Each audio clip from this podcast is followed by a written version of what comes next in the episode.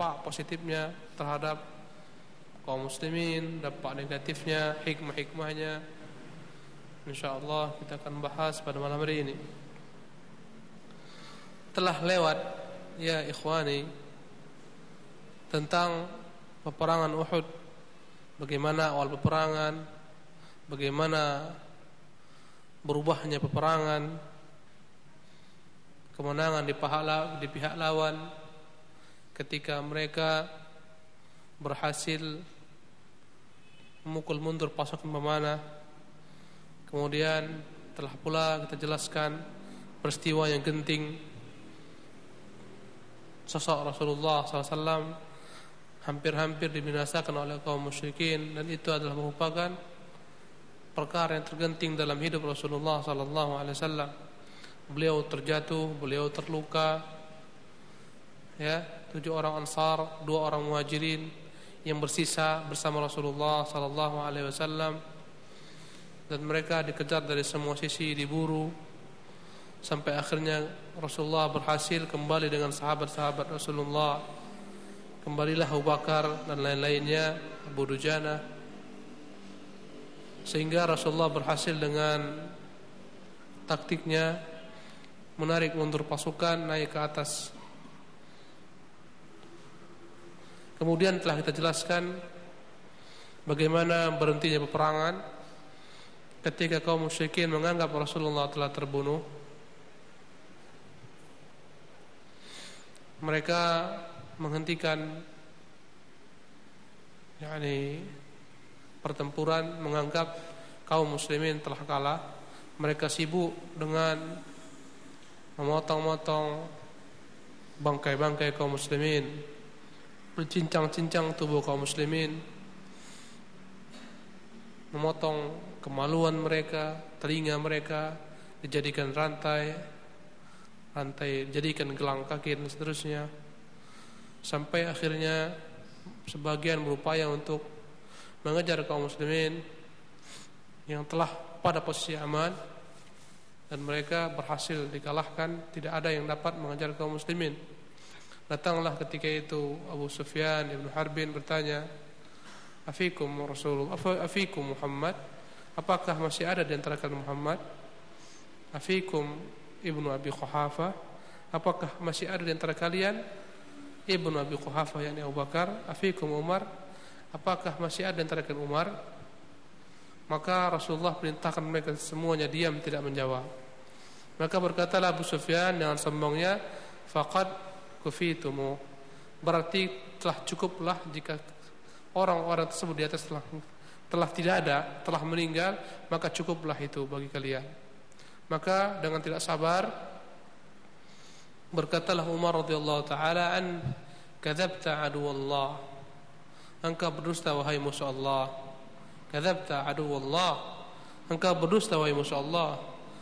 Orang-orang yang kau dengarkan seluruhnya masih hidup dan sekarang mereka sedang mendengar perkataanmu. Maka dipanggil oleh Abu Sufyan, Umar datanglah. Datang Umar mendekati Abu Sufyan dan dia bersumpah, bertanya, "Apakah Muhammad masih hidup?" Berkata Umar, "Ya, bahkan dia sekarang mendengar perbincangan kita." Berkata Abu Sufyan, aku lebih percaya kepadamu daripada Ibnu Qammah karena Ibnu Qammah menganggap dia telah membunuh Rasulullah sallallahu alaihi wasallam padahal yang dia bunuh adalah Musa bin Umair dan Musa bin Umair mirip dengan Rasulullah sallallahu alaihi wasallam. Kemudian mereka pun pulang dengan pasukannya. Rasulullah sallallahu alaihi wasallam perintahkan beberapa orang person pasukannya Ali dan yang lainnya untuk menyusul melihat dari belakang. Apakah mereka pulang benar-benar atau hanya merupakan taktik dalam berperang saja untuk kembali menyerang? Berkata Rasulullah SAW, lihatlah jika mereka mengendarai kuda-kuda mereka menggiring unta-unta, pertanda mereka akan segera menyerang. Kalaulah mereka mengendarai unta-unta mereka dan menggiring kuda-kuda mereka, pertanda mereka akan segera ke Makkah. Kemudian dilihat, diberitahukan kepada Rasulullah sallallahu alaihi wasallam. Maka kembalilah kaum muslimin ke kota Madinah. Terbunuh ketika itu di kaum muslimin 70 orang. Dari orang-orang musyrikin 37 orang, 37 orang. Apakah peperangan ini adalah merupakan peperangan yang telah kaum muslimin kalah secara hakiki, secara benar? Benarkah kaum muslimin telah kalah? Mari kita bersama mengikuti episode terakhir daripada perang Uhud ini. Kaum muslimin yang dimuliakan Allah SWT Sekembalinya Rasulullah dan para sahabat di Madinah Mereka Sampai pada hari Sabtu Pada malam minggu. Tepatnya pada tanggal 8 dari bulan Syawal Tahun ketiga Hijriah. Tentunya mereka kembali ke Madinah dalam keadaan yang sangat genting sekali Madinah dalam keadaan darurat Padahal mereka dalam keadaan yang sangat letih sekali. Baru selesai perang. Mereka sebagian besar terluka.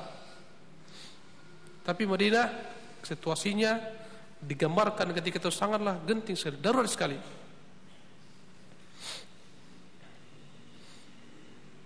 Karena itulah Rasulullah perintahkan para sahabat untuk menjaga setiap sudut sudut kota Madinah. Setiap tempat masuk ke Madinah dijaga oleh Rasulullah dan para sahabat. Para sahabat menjaga kota Madinah dan mereka menyiapkan pasukan khusus untuk menjaga sosok Rasulullah sallallahu alaihi wasallam sebagai pimpinan tertinggi mereka. Karena sangatlah yakni riskan sekali kondisi kaum muslimin dari serangan orang-orang kufar Ikhwani rahimanillah wa iyyakum ajma'in.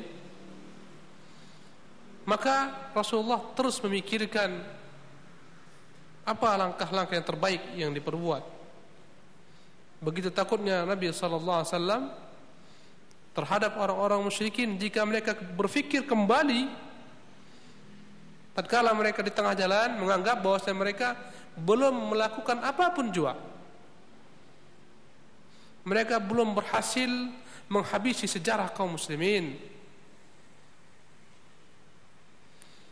Terkala mereka di tengah jalan menyesal dan mereka kembali untuk berperang bahkan mengerangi menyerang kota Madinah untuk kali kedua maka ini harus diantisipasi.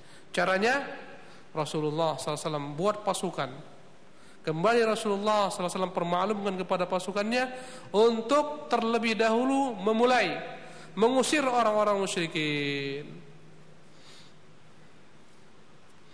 Dalam kitab-kitab maghazi Rasulullah SAW intinya Nabi menyeru kembali kepada para sahabat-sahabatnya agar kembali bersiap-siap untuk menghalau musuh-musuh mereka. Dan itu terjadi tepat pada hari Ahad pagi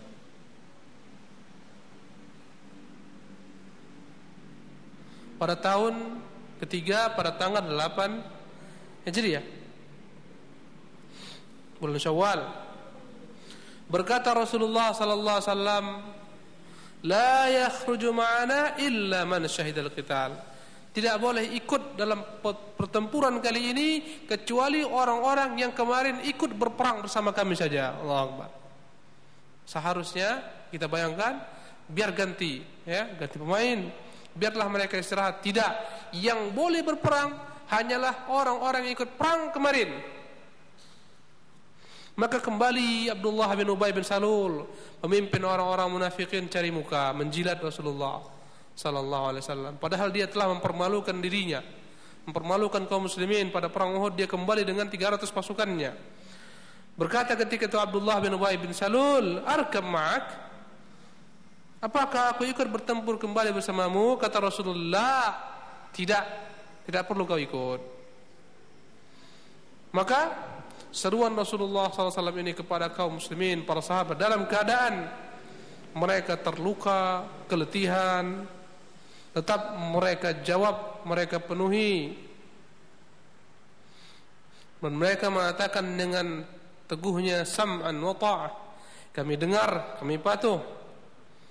Mereka pun bersiap-siap. Datanglah Jabir bin Abdullah berkata, "Ya Rasulullah, aku ingin sekali ikut berperang kepada Anda dalam semua peperangan."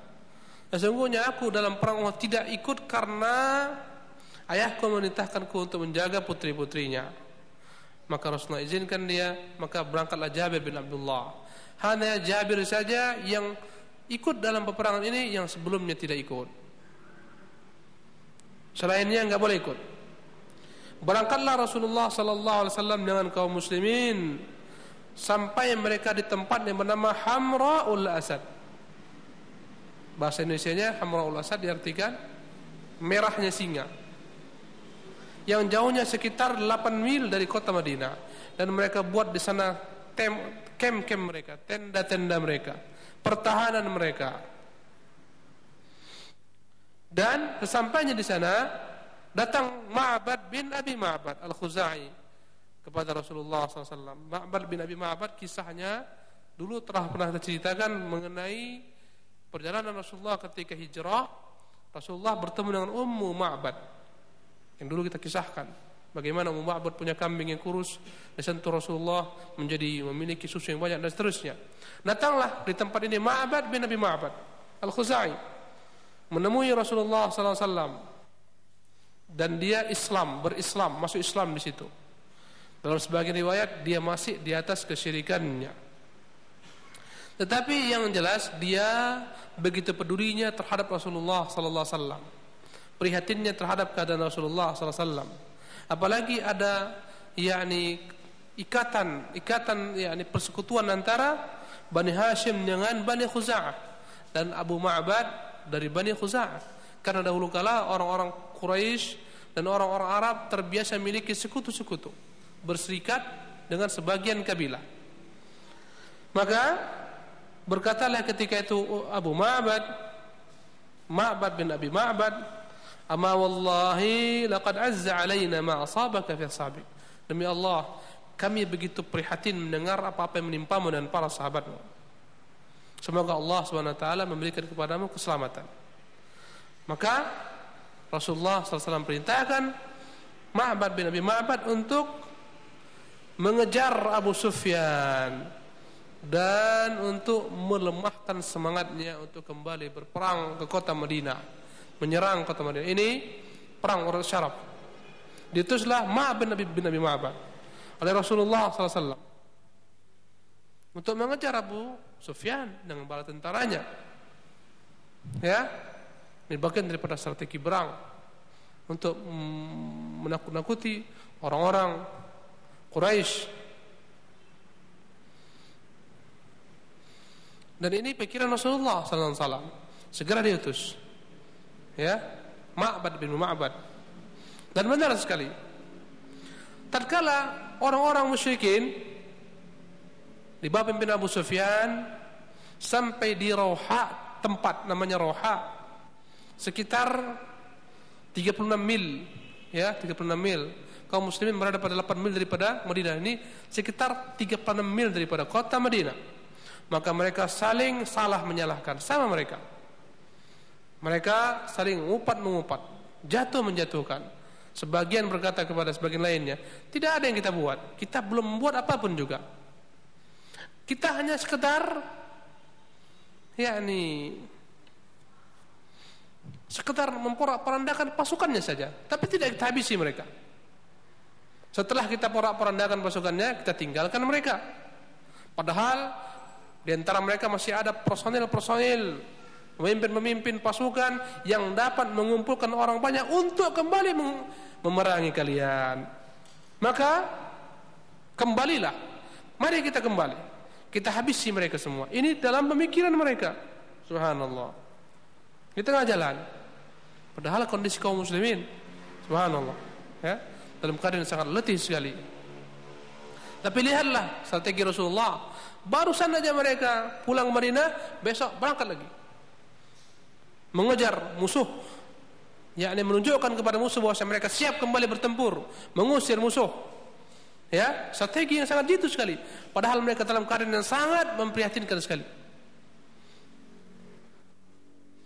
Tentunya perkataan-perkataan sini, ungkapan-ungkapan seperti ini daripada orang-orang musyrikin yang memang tidak mengetahui sebagaimana bagaimana sebenarnya yakni semangat kaum muslimin walaupun kalaupun mereka kembali berperang kalaupun jumlah walaupun jumlah kaum muslimin itu sedikit tapi satu orang kaum muslimin bagikan seribu jumlah mereka. Ini tidak diperhitungkan oleh orang-orang musyrikin. Mereka ya kalaupun mereka kembali menyusul subhanallah kaum muslimin akan ya serahkan nyawanya akan jual nyawanya. Satu orang mereka bagikan seribu orang. Kekuatan mereka karena itulah pendapat ini ditentang oleh salah seorang daripada pemimpin mereka yang bernama yakni Safwan bin Umayyah Safwan bin Umayyah yang ayahnya terbunuh pada perang Badar Umayyah bin Khalaf dia tolak dia katakan ya kaum wahai kaum La taf'alu. Jangan coba-coba kalian perbuat rencana kalian ini. Inni.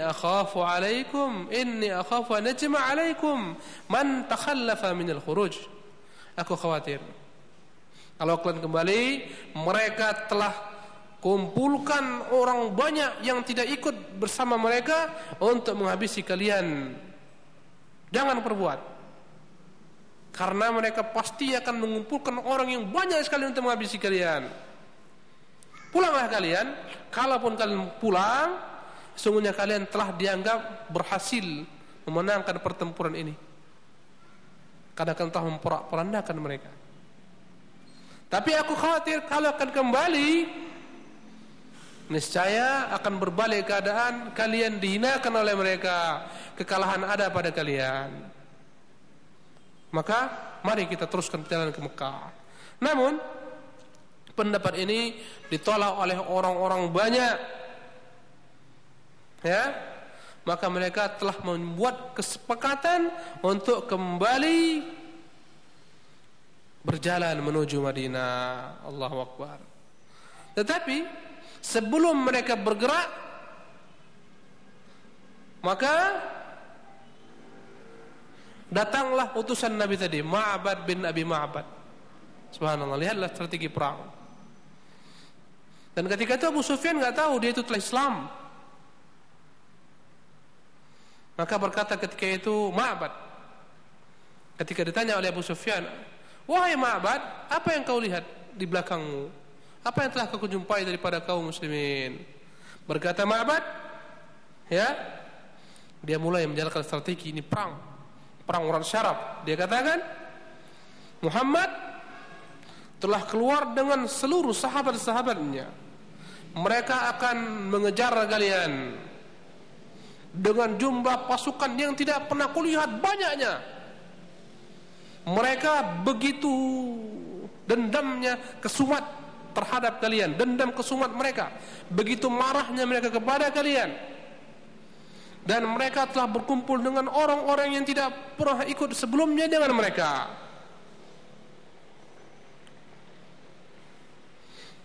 Mereka merasa menyesal tidak ikut berperang beserta Muhammad maka telah mereka siapkan pasukan yang sangat banyak sekali.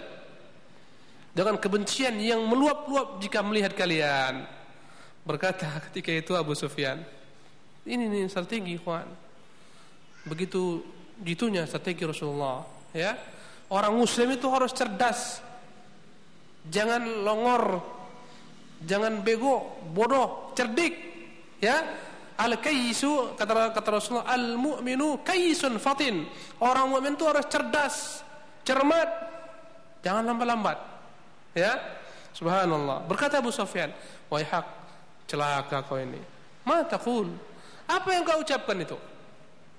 Berkata kembali Ma'bad, "Wallahi ma ara an tartahila hatta tara nawasil khair." Demi Allah, kalau kalian enggak juga berangkat dari sini, tunggulah Tunggulah akan datang pasukan mereka dengan unta-unta mereka. Ya. Tunggulah saja. Sesungguhnya sebentar lagi dari belakang gunung ini akan muncul mereka dengan pasukan mereka yang sangat besar sekali. Berkata Abu Sufyan, "Wallahi laqad ajma'na al-karrata 'alaihim linasta'silahum." Berkata Abu Sufyan, tapi kami sudah bersumpah untuk kembali menghabisi mereka. Berkata ketika Abu Muhammad, jangan coba-coba Aku adalah orang yang jujur memberikan kepada kalian nasihat. Aku ini fire kepada kalian. Subhanallah. Maka menemukan yani serangan peperangan urusan seperti ini lemahlah semangat orang-orang musyrikin menunjukkan mereka sebenarnya belum dianggap sebagai pemenang dalam peperangan Uhud mereka belum menang Sebagaimana menangnya Rasulullah pada perang Badar, tiga hari tiga malam Rasulullah menunggu di sana. Ayo, dan begitulah keadaan bangsa Arab. Jika mereka memenangkan pertempuran, mereka tunggu tiga hari. Subhanallah. Ini enggak, lari, cicing. Subhanallah. Maka begitu yakni ketakutan telah meliputi hati-hati mereka. Maka tidaklah ada pendapat yang paling baik kecuali kembali saja ke Mekah. Tapi Abu Sufyan pun tidak mau kalah. Subhanallah. Diatur strategi juga perang orang saraf juga. Apa yang dia perbuat? Semoga harapannya ini kaum muslimin tidak kembali menyerang mereka, mengejar mereka. Maka dia buat strategi pula. Dia buat tipu muslihat. Menunjukkan dia sangat khawatir jika dia dikejar oleh kaum muslimin. Maka ketika ada satu rombongan dari Abdul Qais ya satu suku Abdul Qais yang mereka sedang dalam perjalanan menuju Madinah berkata ketika itu Abu Sufyan mau akan sampaikan kepada Muhammad suratku? Nanti akan ku urusi yakni permasalahan kalian bisnis kalian kami mudahkan nanti ketika sampai di Madi, sampai di Makkah. Di pasar Ukaz nanti kalian kami berikan fasilitas. Yang penting sampaikan kepada Muhammad. Mereka mengatakan ya. Sampaikan kepada Muhammad kata Abu Sufyan, kami sesungguhnya telah siap-siap untuk kembali menghabisi mereka. Seluruhnya. Beritahukan kepada sahabat-sahabatnya. Strategi juga. Maka benar, berangkatlah ketika itu pasukan ini berjumpa dengan Rasulullah dan para sahabatnya. Ketika Rasulullah sedang berkemah di Hamraul Asad maka mereka memberitakan apa yang mereka dengar. Eh, mereka berkata innan nasa qad jama'u lakum berhati-hatilah kalian. Mereka telah mengumpulkan kembali kekuatan mereka. Takutlah kepada mereka. Fazadahum ay zadal muslimina qauluhum dzalika imana. Tapi semakin bertambah keimanan di hati kaum muslimin. Dan telah Allah ceritakan kisah ini ikhwan dalam firman-Nya yang mulia ya. Falamma ra'al mu'minuna al-ahzab qalu ah, inna an-nasa qad jama'u lakum fakhshawhum. Tatkala mereka berkata yakni Abdul Qais berkata sesungguhnya pasukan pasukan orang-orang musyrik telah berkumpul untuk menghabisi kalian. Maka hati-hatilah kalian. Apa kata Allah apa kata Allah SWT menceritakan bagaimana keadaan para sahabat? Fakhshawhum fazadahum imana. Maka semakin bertambah iman mereka. Wa qalu hasbunallah wa ni'mal wakil. Dan mereka berkata, cukuplah Allah penolong kami. Dialah sebaik-baik penolong. Bukan mereka khawatir, bukan gentar.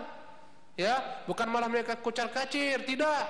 Semakin yakin mereka Allah cukup akan melindungi mereka. Ini iman. Maka Allah ceritakan perang ini. Allah katakan, "Fanqalabu bi ni'matin min Allah wa fadlin lam yamsashum su wattaba'u ridwanallah wallahu dzu fadlin azim." Maka akhirnya mereka kembali ke Madinah nggak ada berjumpa musuh, nggak ada peperangan dengan nikmat Allah dan keutamaan Allah Subhanahu taala. Mereka tidak ditimpa apa pun daripada bencana peperangan dan mereka telah mengikuti keridhaan Allah Subhanahu taala dan Allah Maha luas keutamaannya. Ini dia. Bukan mereka khawatir, bukan takut, tidak. Mereka yakin dengan janji Allah Subhanahu taala. Maka berdiamlah Rasulullah di Hamraul Asad ya pada hari Minggu mereka berangkat, Senin, Selasa, Rabu, tiga hari. Terbalik seolah-olah mereka yang menang. Seolah-olah ini kami. Dan memang secara yakni hakiki kaum muslimin yang menang dalam perang Uhud. Sebenarnya walaupun porak-poranda pasukan mereka terbunuh 70 orang, tapi kalau kita tinjau secara hakiki kaum muslimin yang menang. Subhanallah. Tiga hari mereka nunggu musuh, ya. Maka berangkatlah Rasulullah setelah tiga hari di Hamraul Asad, ya, pada hari Rabunya bergerak menuju Madinah. Sebelum beliau bergerak menuju Madinah, dia panggil Abu Izzah Al-Jumahi. Ini penyair yang tidak tahu diri. Penyair ini di masa-masa dahulu kala peran mereka seperti penyanyi di masa sekarang ini. Penyanyi, itulah dia. Ada yang menyampaikan pesan-pesan apa namanya sosial, kritikan terhadap penguasa seterusnya, ya, mengobarkan syahwat, kebanyakan syahwat penyanyi-penyanyi kita, ya. Maka Abu Izzah Al-Jumah ini padahal pada perang Badar ketangkap karena miskin, anak-anaknya banyak, perempuan-perempuan anaknya banyak, yakni anak-anaknya banyak yang perempuan dibebaskan Rasulullah dengan syarat jangan sekali-kali kau coba ikut membantu kaum musyrikin. Eh, ternyata pada perang Uhud dia lupa janjinya. Berjanji ketika itu salah seorang pembesar Quraisy, Sofwan bin Umayyah, "Eh, mari kita ikut. Mari kita galak, kita galang masa." Ya, dia provokator ini. Orang-orang seperti ini sangat berpengaruh sekali mengumpulkan orang. Begitu mudahnya orang Arab berkumpul dengan penyair. Ya. Makanya dia katakan Allah wasyu'ara yattabi'uhumul ghawun. Para penyair-penyair itu diikuti oleh orang-orang yang al-ghawun, orang-orang yang menyimpang, ya, orang-orang yang bodoh, orang-orang yang tolol. Makanya provokator-provokator ini selalu membuat kegaduhan. Ya, tidak pernah mendatangkan maslahat. Dengan lisannya yang berbisa, dia berhasil menggalang masa. Tetapi subhanallah. Perang Uhud pada perang Uhud ini ketangkap lagi dia. Subhanallah. Maka Rasulullah perintahkan ketika itu agar dieksekusi mati ini penjahat perang ini.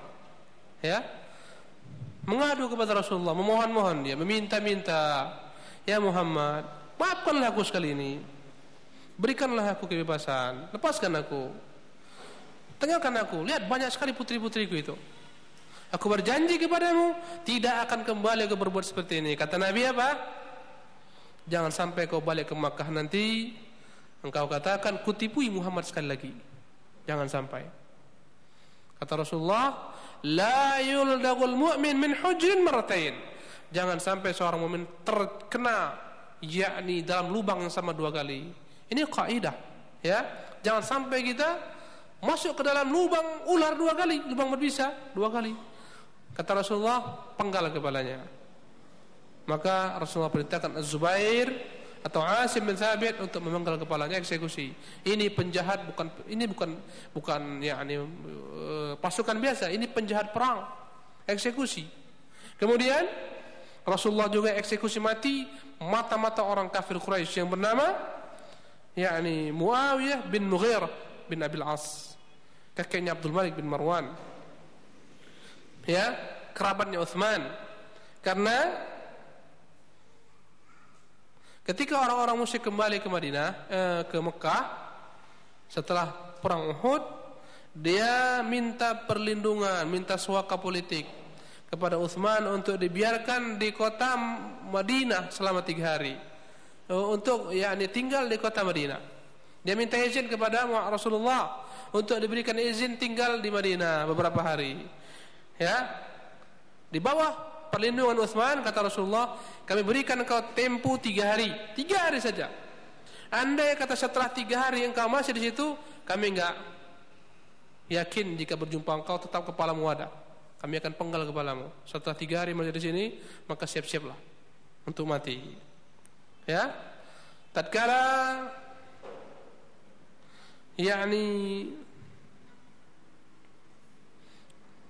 Madinah telah menyiapkan pasukannya berangkat untuk mengejar atau strategi perang Rasulullah mengejar orang-orang kufar ternyata dia tinggal lebih daripada tiga hari melihat-lihat bagaimana kesiapan kaum muslimin keadaan kaum muslimin Bahaya ini. Kalau dia sampai kepada Quraisy mengatakan nggak ada, di Madinah itu kosong, nggak ada, hanya orang-orang yang lemah-lemah yang tua aja, kosong Madinah itu. Yang berangkat pun orang-orang yang letih, nggak ada mereka bawa pasukan. Hancurlah kaum muslimin. Ini mata-mata berbahaya. Maka setelah dia dapat informasi bagaimana yakni keadaan kaum muslimin larilah dia keluar lari ingin memberitahukan ini kepada orang-orang Quraisy tentunya maka Rasulullah SAW perintahkan ketika itu Zaid bin Thabit, Zaid bin Haritha dan Ammar bin Yasir untuk mengejarnya. Dia dikejar, kemudian dia pun dibunuh. Alhamdulillah. Jadi yang perlu kita pahami bahwasanya peperangan yakni Hamraul Asad ini Berangkatnya Rasulullah ke Hamrul Asad bukanlah merupakan peperangan tetapi dia merupakan sambungan daripada perang Uhud. Ikhwani rahimanillahu wa iyyakum ajmain. Sampai di sinilah berakhirnya peristiwa perang Uhud.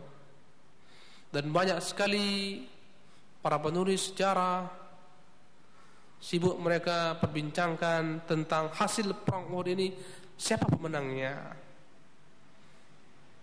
Apakah kaum muslimin adalah orang-orang yang kalah atau sebaliknya? Tetapi yang harus disepahami, yang harus disepakati bahwasanya ya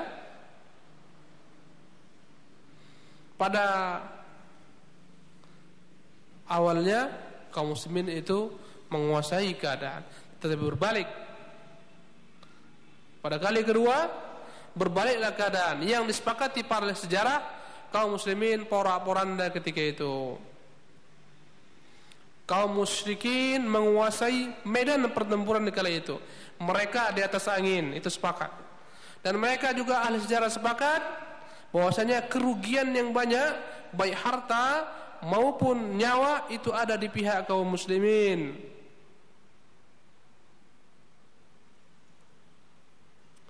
ya dan terlihat kaum muslimin itu mundur secara teratur. Maka pertempuran ini jika dilihat secara zahir, zahirnya saja kaum muslimin itu dikuasai oleh orang-orang musyrikin. Mereka sebagai pemenangnya. Ini secara zahir. Tetapi kalau kita uji kembali perkataan mereka. Kita lihat kembali apa yang terjadi. Yang jelas kita harus sepakati bahwasanya orang-orang musyrik Makkah tidak bisa menguasai basisnya kaum muslimin. Bahkan cuma 70 orang yang terbunuh dari 700 orang, 70 orang yang terbunuh. Mereka tidak bisa menghabisi secara dominan kaum muslimin Walaupun ketika itu kaum muslimin kacau balau, tapi 70 orang yang terbunuh cuma. Bahkan kita lihatlah bagaimana ketika mereka kembali menyatu, kembali mereka waras. Lihatlah bagaimana bertempurnya kaum muslimin. Subhanallah, begitu kuatnya mereka, satu bandingkan seribu.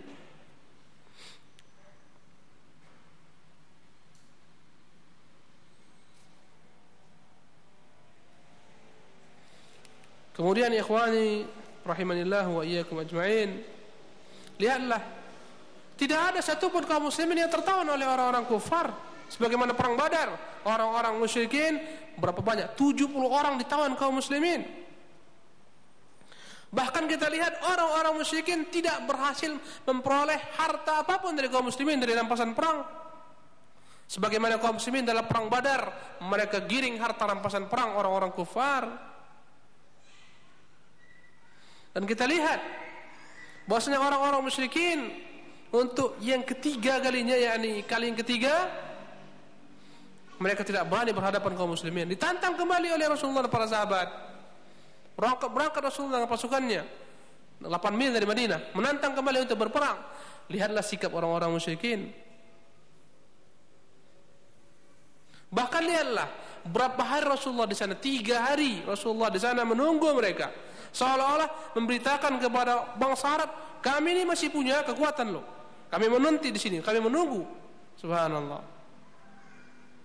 Tapi lihatlah orang-orang musyrikin mereka bersegera cicing lari ke Makkah tidak berani mereka kembali ke Madinah masuk menyerang merampas harta menghabisi kaum muslimin nggak berani. Padahal hanya beberapa mil saja, hanya 35 mil saja dari Madinah. Padahal ketika itu terbuka bagi mereka jalan untuk ke Madinah. Subhanallah. Ini semua menunjukkan kepada kita ikhwan rahimakumullah bahwasanya mereka orang-orang Quraisy tidak berhasil meraih apa pun juga kecuali yakni memporak-porandakan pasukan kaum muslimin, membunuh 70 orang kaum muslimin sebagai syuhada. Mereka tidak dianggap sukses untuk menghabisi kaum muslimin. Mereka dianggap gagal untuk mewujudkan tujuan mereka pada perang Badar, mereka itu kalah. Maka mereka berjanji untuk menghabisi kaum muslimin pada perang Uhud. Enggak berhasil. Subhanallah. Jadi ini menunjukkan sebenarnya kalau kita lihat kembali kekuatan kaum muslimin yakni masih besar di mata musuh-musuh mereka menunjukkan mereka belum kalah.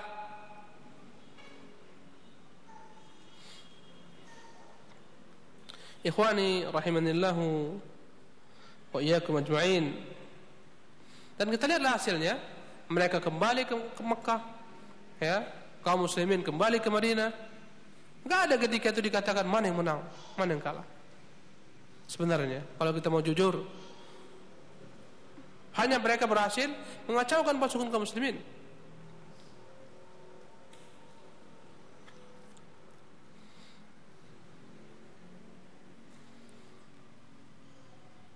Allah Subhanahu wa taala menceritakan kepada kita bagaimana keadaan kaum muslimin setelah mereka itu letih dan seterusnya porak-poranda dalam perang Uhud Allah Subhanahu wa taala ceritakan bagaimana Rasulullah perintahkan mereka kembali keluar untuk mengusir orang-orang kufar.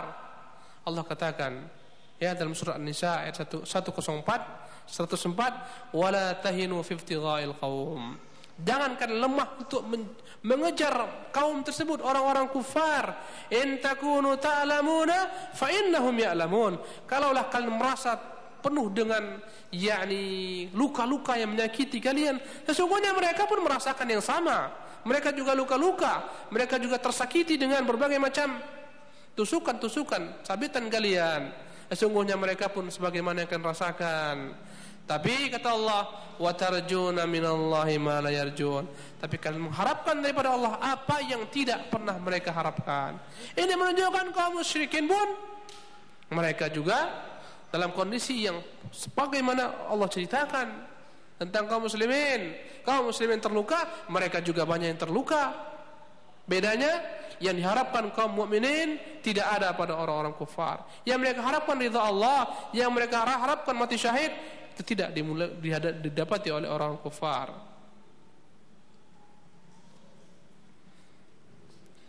Oleh karena itu ikhwan rahimakumullah, Al-Qur'an menceritakan perang ini. Dalam kitab yang mulia dalam surah An-Nisa diceritakan. Bagaimana fase demi fase yang dilewati kaum muslimin dalam peperangan ini dalam surah Al-Imran juga disebutkan bagaimana kaum muslimin telah bersiap-siap. Fase dan fase diceritakan. Disebutkan disebutkan dalam Al-Qur'an Al-Karim sebab kekalahan kaum muslimin. Karena ketika itu mereka tidak patuh kepada Nabi sallallahu alaihi wasallam mereka sebagaimana manusia ternyata tergelincir mereka cinta ketika itu kepada harta dan seterusnya diceritakan oleh Allah Subhanahu wa taala. Yang menunjukkan bahwa mereka bukanlah orang-orang yang yang steril daripada kesalahan. Mereka manusia bukan malaikat. Walaupun demikian Allah telah ampunkan mereka semua. Diceritakan juga dalam ayat Al-Quran Al-Karim bagaimana orang-orang munafikin, bagaimana mereka di bongkar Allah SWT segala macam kejelekan-kejelekan mereka, bagaimana kebencian mereka terhadap Rasulullah, terhadap para sahabat, mereka menyebarkan isu-isu fitnah dan seterusnya. Yang terkadang mempengaruhi sebagian daripada orang-orang lemah yang masih lemah imannya daripada golongan kaum muslimin. Kita lihat lagi bagaimana begitu kuatnya yakni persekutuan antara orang-orang munafik dan orang-orang Yahudi yang senantiasa menyebarkan berbagai macam bentuk fitnah dan seterusnya ikhwan rahimakumullah. Ada 60 ayat turun mengenai peperangan ini dalam surah Al-Imran. Dimulai daripada ayat 121.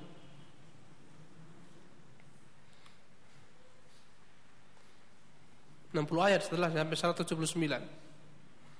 Allah mulai daripada firman-Nya wa idz ghadawta min ahlika tubawwi'ul mu'minina maq'adal qital. Ketika engkau keluar berangkat dari keluargamu, dari istrimu, mengajak mempersiapkan kaum muslimin untuk berangkat perang, diceritakan. Ketika Rasulullah pakai pakaian, dia berangkat dengan kaum muslimin, diceritakan semua. Ya. Silahkan antum mau tahu peperangan ini, bukalah ayat tersebut. Al-Imran 121 sampai 179. Saya akan dijelaskan ikhwan. Kemudian marilah kita berusaha menggali hikmah-hikmah dalam peperangan Uhud ini. Apa hikmah-hikmah di balik peperangan Uhud ini? Di balik kekalahan kaum muslimin seterusnya. Al-Imam Al-Alam Al-Qayyim rahimahullah taala telah membahas tentang topik ini dengan penjelasan yang sangat panjang dan mendetail sekali. Demikian pula ulama-ulama lainnya. Berkata Ibnu Hajar rahimahullah taala Berkata para ulama, sesungguhnya dalam kisah peperangan Uhud, bagaimana kaum muslimin tertimpa musibah, banyak sekali dapat faidah, faidah dan hikmah-hikmah dari Allah Subhanahu wa taala. Di antaranya ta'riful muslimina su'a aqibatil ma'siyah. Yang pertama, kalau kita mau urut, di antaranya kata Al-Hafidz Najar, yakni penjelasan kepada kaum muslimin bahwasanya alangkah jeleknya dampak daripada maksiat. Subhanallah. Kalau ini aja dipahami kaum muslimin, subhanallah, kita akan kembali berjaya. Ya. Kembali kita berjaya, memimpin. Satu sunnah Rasulullah, satu perintah Rasulullah ditentang, subhanallah, jeleknya maksiat.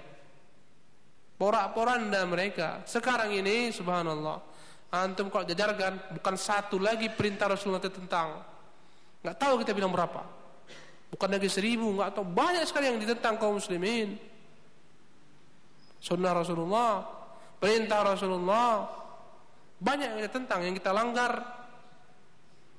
dalam masalah akidah kita langgar perintah Rasulullah untuk bertauhid menjauhi kesyirikan kita langgar malah syirik yang kita buat dalam akidah udah kita tentang beliau. Dalam masalah ibadah kita juga tentang beliau. Dengan cara-cara ibadah yang tidak pernah beliau ajarkan. Kita buat-buat ibadah yang baru. Dari segi muamalah kita juga tentang beliau. Lihatlah muamalah kaum muslimin yang rusak, yang hancur, yang kacau balau mengikuti muamalahnya orang-orang kufar. Penipuan, keculasan semuanya tidak sedikit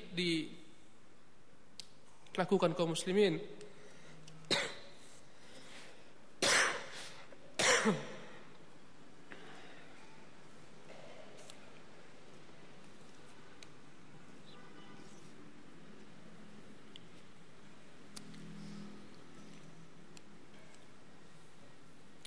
Dari segi apa lagi? Akhlak kita pun menentang Rasulullah SAW. Akhlak kita tidak sebagaimana akhlaknya Rasulullah Sallallahu Alaihi Wasallam. Semua kita tentang. Dalam hal apa lagi? Siasa. Bagaimana Rasulullah membangun negerinya, membangun kekuasaan, juga kita tentang Rasulullah. Kita ikuti gaya-gayanya orang kufar dalam bersiasa, dalam berpolitik yang dipenuhi dengan kecurangan, keculasan, kebohongan, menjilat, jual nama, jual diri. Subhanallah pamer, takabur, sombong, mencucikan diri, mengkultuskan diri, la ilaha illallah. Bertentangan. Itu politik yang dibangun kaum muslimin. Minta-minta kekuasaan, menjilat, menyuap, semua diperbuat. Rusak semua kita. Makanya wajarlah kalau kaum muslimin banyak ditimpa musibah. Musibah demi musibah. Kemudian faedah berikutnya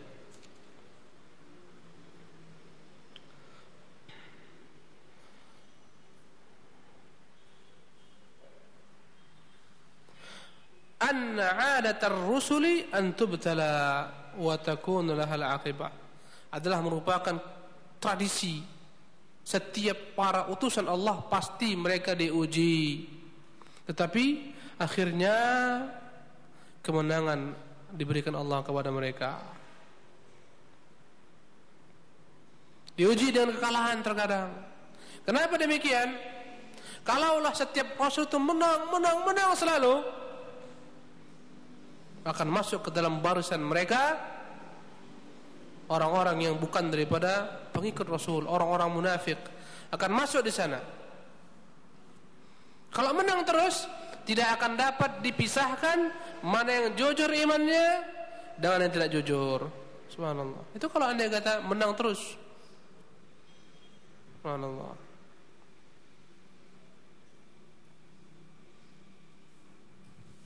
Dengan kekalahan ini lihat, oh ini orang-orang mukmin yang sejati.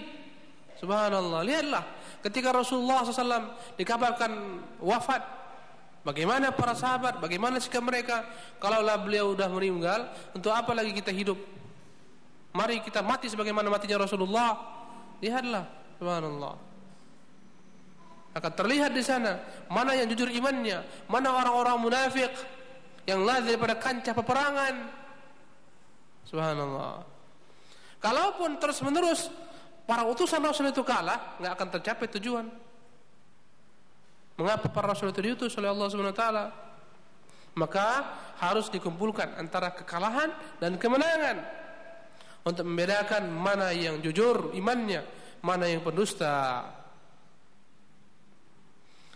Tidaklah diketahui orang-orang munafikin kecuali setelah tampak. Pada perang Uhud ini nampak jelas berpisah mereka daripada orang-orang mukminin.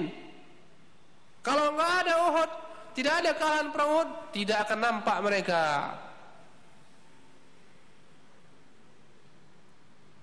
Maka hikmahnya terhadap kaum mukminin mereka tahu, oh ternyata di dalam barisan kita ini banyak musuh-musuh dalam selimut yang kita harus berwaspada.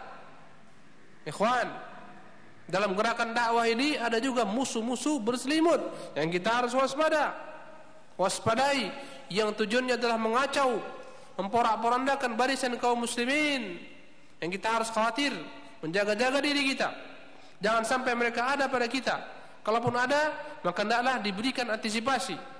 Begitu juga dalam perang Uhud. Dengan perang Uhud ini, tahulah kaum muslimin bahwa mereka di kota mereka sendiri ada musuh-musuh dalam selimut. Kemudian Kekalahan yang menimpa kaum muslimin ini mengajarkan kepada orang-orang beriman untuk bersabar agar mereka tidak sombong, tidak bangga. Ya, kalaulah menang, menang, menang akan muncul kesombongan mereka dan lihatlah Lihatlah ketika perang Hunain, jumlah mereka yang banyak saja membuat para sahabat ketika itu yang baru masuk Islam terpukau. Kata mereka, lan naghliba min qillah. Tidak mungkin kita kalah kalau gara-gara faktor jumlah itu sedikit. Ternyata Allah tunjukkan mereka, dia langsung diberikan ujian. Mereka pun kocar kacir. Nanti kita akan kerang terangkan pada masanya. Ya, sebagai bentuk ujian.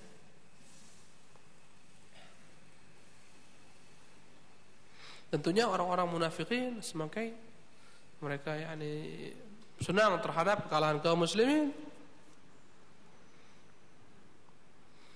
Kemudian dengan ini pula Allah SWT memang telah persiapkan kepada hamba-hambanya surganya yang penuh dengan kemuliaan pada hamba-hambanya yang terbunuh dalam perang dalam perang Uhud ini terat, yakni menjadi para syuhada mereka beramal sedikit tapi diberikan ganjaran yang banyak sekali. Bahkan ada yang tidak pernah sama sekali sholat. Ikut perang karena Allah dan Rasulnya mati. Kata Rasulullah, "Amila qalilan ujra katsira." Beramal sedikit, ganjaran pahalanya banyak sekali.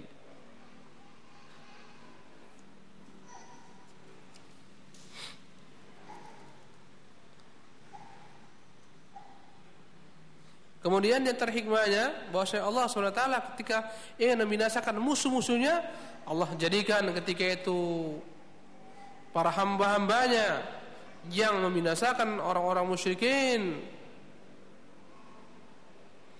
Dijadikan mereka sebagai sarana untuk menghancurkan kaum musyrikin.